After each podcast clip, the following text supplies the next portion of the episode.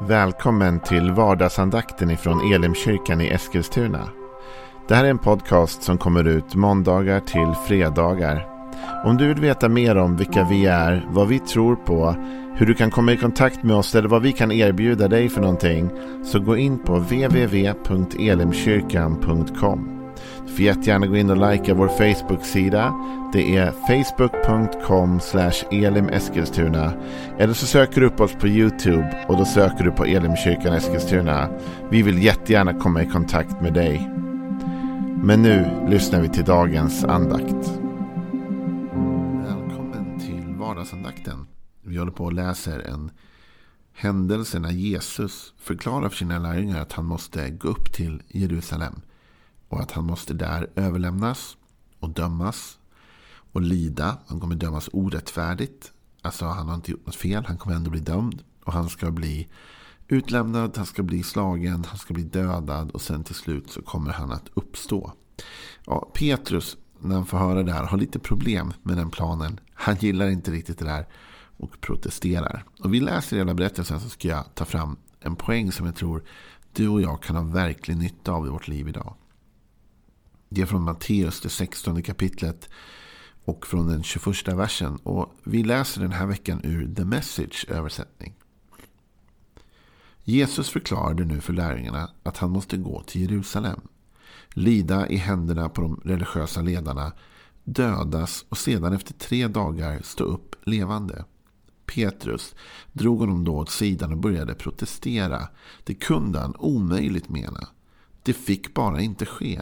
Men Jesus var orubblig. Akta dig Petrus, bort Satan. Vad vet du om Guds sätt att göra saker? Han fick lov att tala allvar med lärjungarna. Vill ni följa mig måste ni gå dit jag leder er. Det är inte ni själva som styr, det är jag. Fly inte från lidandet, ta emot det. Följ mig så ska jag visa er. Självbevarelsedriften kan inte rädda er.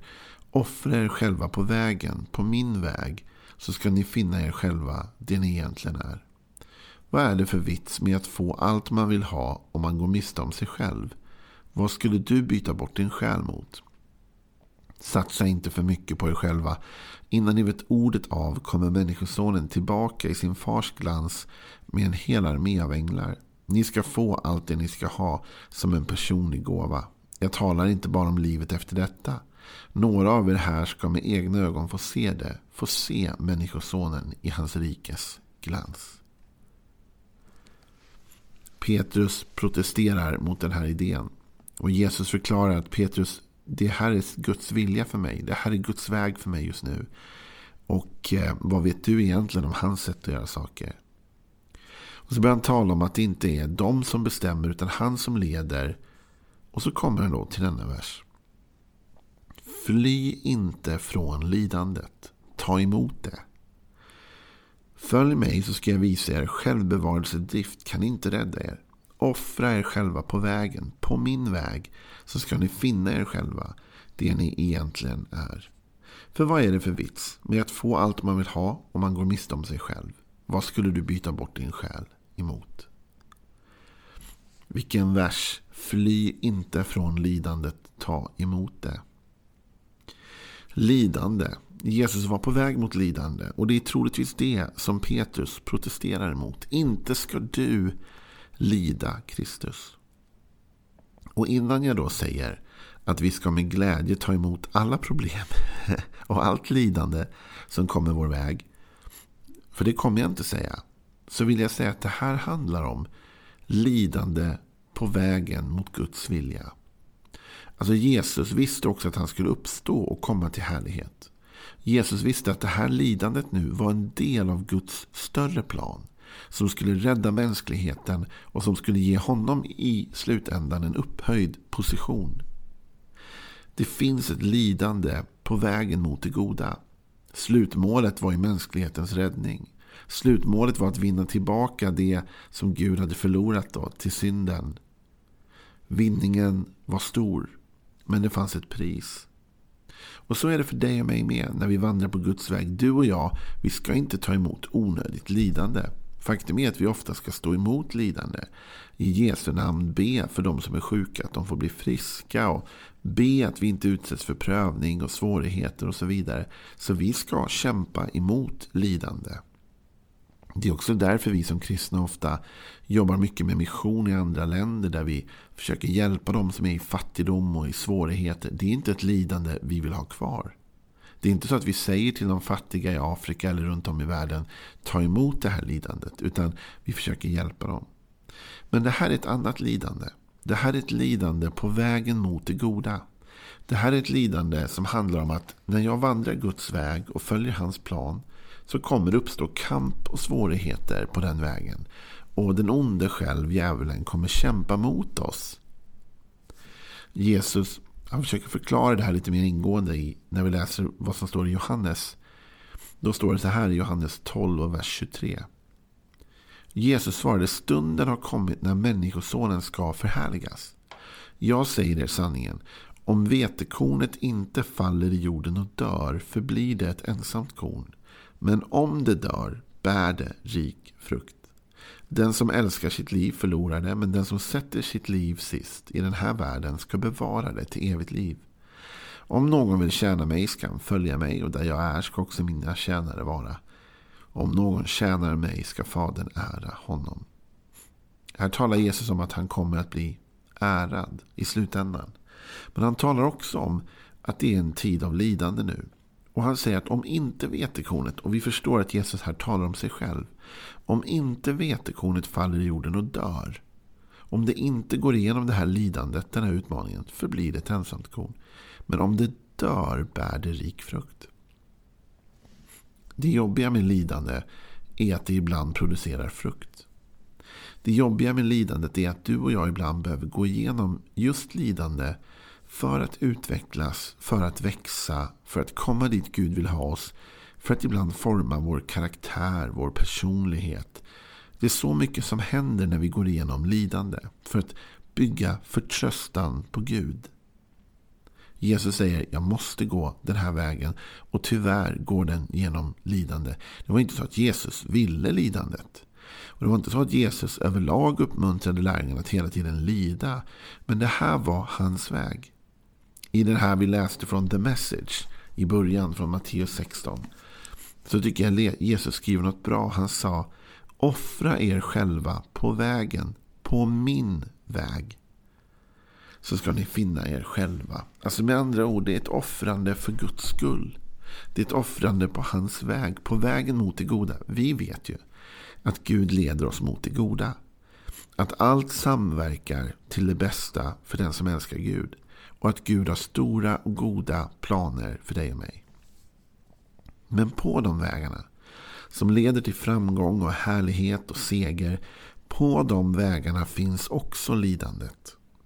Och vi går i perioder genom det. Och Jesus säger, när ni kommer till lidande på min väg, inte bara i allmänhet, inte bara ni blev sjuka och led, liksom, det ska vi be emot. Utan när ni kommer till lidande på min väg, för min skull, då ska ni ta emot det lidandet. Ni ska inte undvika det, fly ifrån det. Om ni undviker det i någon sorts självbevarelsedrift, säger Jesus, så kommer det inte bära den frukt som det är tänkt att bära. Nej, ni ska ta emot lidandet. Med glädje på något sätt pressa er igenom det. Men inte pressa sig igenom det för lidandets skull. Utan för härlighetens skull som kommer efter lidandet. Eller för skörden som kommer efter lidandet. För om vetekornet dör, då bär det rik frukt, sa Jesus. Så du och jag, vi pressar oss igenom lidande. Vi tar emot lidande ibland. Därför att vi vet att vi vandrar på Guds väg och vi vet att på andra sidan lidandet så väntar någonting annat. I Jakobsbrevet så talar Jakob om det. Och han säger så här i Jakobsbrevet det första kapitlet då, från den andra versen. Räkna det som ren glädje, mina bröder, när ni råkar ut för olika slags prövningar. Ni vet ju att när er tro prövas ger det uthållighet. Och låt uthålligheten leda till fulländad gärning så att ni är fullkomliga och hela och utan brist på något sätt räknar det som ren glädje. Ja, det kanske tar det lite långt. det kanske inte alltid jag räknar det som en ren glädje att gå igenom lidande och prövning. Men poängen som Jakob för fram är inte att det är lidandet i sig som är en glädje. Eller prövningen i sig som är en glädje. Utan han säger, ni vet ju att när er tro prövas ger det uthållighet.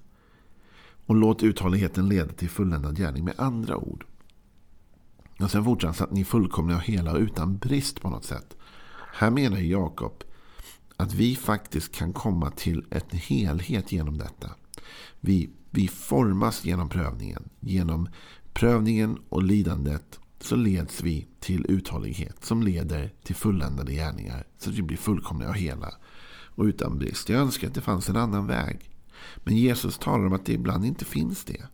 Utan på den väg som Gud har stakat ut för ditt liv. Som är en väg som leder till seger. Absolut. I slutändan vill Gud att du ska segra. Övervinna. Men på den vägen möter vi dessa hinder. Detta lidande. Denna kamp. Och det blir saker som vi måste ta oss igenom. Vi kan inte runda det, kan inte fly från det. Utan vi måste ta oss igenom prövningen. Och då händer någonting med oss. I den prövningen formas vi. Vi formar uthållighet. Vi formas på många olika plan och sätt. Och vi blir starkare genom den här prövningen. Och vi kommer ut ur den bärandes rik frukt. I andra Timoteus som avslutning så vill Paulus förmana Timoteus att hålla ut. Och han säger så här i andra Timoteus 4, vers 1. Jag uppmanar dig allvarligt inför Gud och Kristus Jesus som ska döma levande och döda inför hans uppenbarelse och hans rike. Predika ordet. Träd fram i tid och otid. Tillrättavisa, varna och förmana med allt tålamod och all undervisning. Det ska komma en tid då människor inte längre står ut med den sunda läran utan samlar åt sig mängder av lärare efter sina egna begär så som det kliar i deras öron att få höra. De vägrar att lyssna till sanningen och vända sig till myter.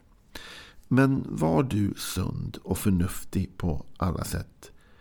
Bär ditt lidande. Utför en evangelists gärning och fullgör din tjänst. Bär ditt lidande.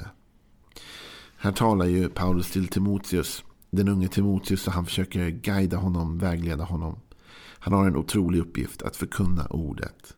Men det finns också ett lidande i det. Och Paulus talar om att bär ditt lidande. Alltså han säger inte fly från det, undvik det, utan bär det. Bär ditt lidande Timoteus. För det kommer en tid då människor inte kommer vilja lyssna till det du har att säga. Som förkunnare så kommer det komma en tid då människor slår dövörat till. De vill inte höra sanningen. De vill bara höra det som kliar i deras öron att få höra. Och de kommer vända sig till sådana som predikar precis just exakt det som de ville höra. Det är en utmaning idag. Vi lever i en tid med sociala medier och allt annat. Det är jättebra. För det innebär ju bland annat att du kan lyssna på den här vardagsandakten. Men det innebär också att du och jag kan lyssna på en massa olika andakter och massa olika förkunnare. Och en massa olika predikningar. Och det finns en fara i vår tid att vi bara väljer det som kittlar våra öron. Bara det vi vill höra. Vi utmanar inte vår tanke med ett nytt tänkande. Och det är väldigt farligt. Jag tror att Gud vill att du och jag ska hela tiden växa. Hela tiden utmana vårt sätt att se på saker. Lära oss mer om Bibeln och om tron. Och växa. Och då kommer det finnas ett lidande i det. Därför inte alla kommer vilja lyssna till sanningen. Utan en del kommer bara vilja lyssna till sitt eget. Vad gör vi då? Då bär vi vårt lidande. Så idag vill jag utmana dig att inte fly ifrån lidandet. Det lidande som finns på din väg. Jag menar inte att du ska ta dig an lidande och jag menar inte att du ska bli en martyr utan vi ska kämpa emot lidandet i allt vi kan. Men vi ska också veta att på Guds väg, vägen till seger, vägen till härlighet så finns det lidanden som vi inte kan fly undan utan måste ta oss igenom. Som vi får bära och som vi får leva med. Och vi kommer utvecklas under de lidandena. För vi vet att om vetekornet inte faller i marken och dör, ja, men då blir det ingen frukt. Men om det dör, då bär det rik frukt. Och det vill vi väl alla göra, bära rik frukt. Imorgon fortsätter vi med mer av vad Jesus säger i den här fantastiska texten, så missa inte det. Imorgon ses vi igen. Hej då.